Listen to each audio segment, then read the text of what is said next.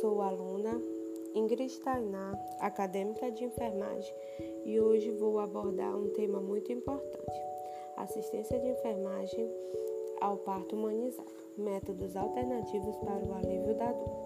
Em geral, os métodos alternativos são técnicas de baixo custo e acessíveis que podem ser utilizadas na maioria dos locais onde o parto possa ocorrer gestante pode usar uma ou mais técnicas combinadas e a escolha é de grande parte motivada por suas preferências e pela disponibilidade das terapias.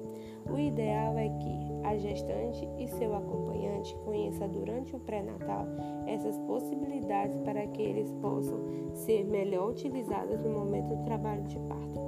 Uma delas são os cursos de preparação para o parto, que consistem em aulas individuais ou em grupos que informam os pais sobre alimentação infantil, cuidados com recém-nascidos, medidas farmacológicas de alívio da dor, entre outras.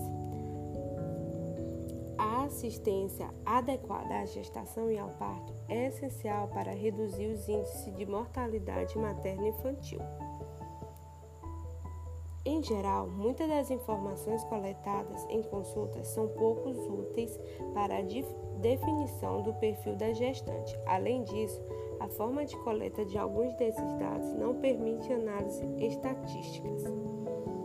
Este estudo pode também contribuir para o fortalecimento e visibilidade do trabalho da enfermagem obstétrica na humanização e assistência ao parto e nascimento.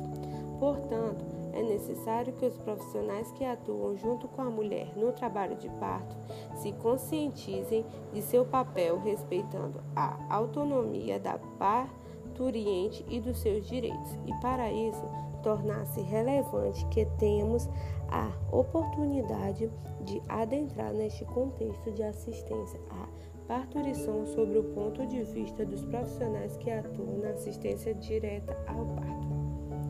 Bom, é isso, desde já agradeço e boa noite. Obrigada.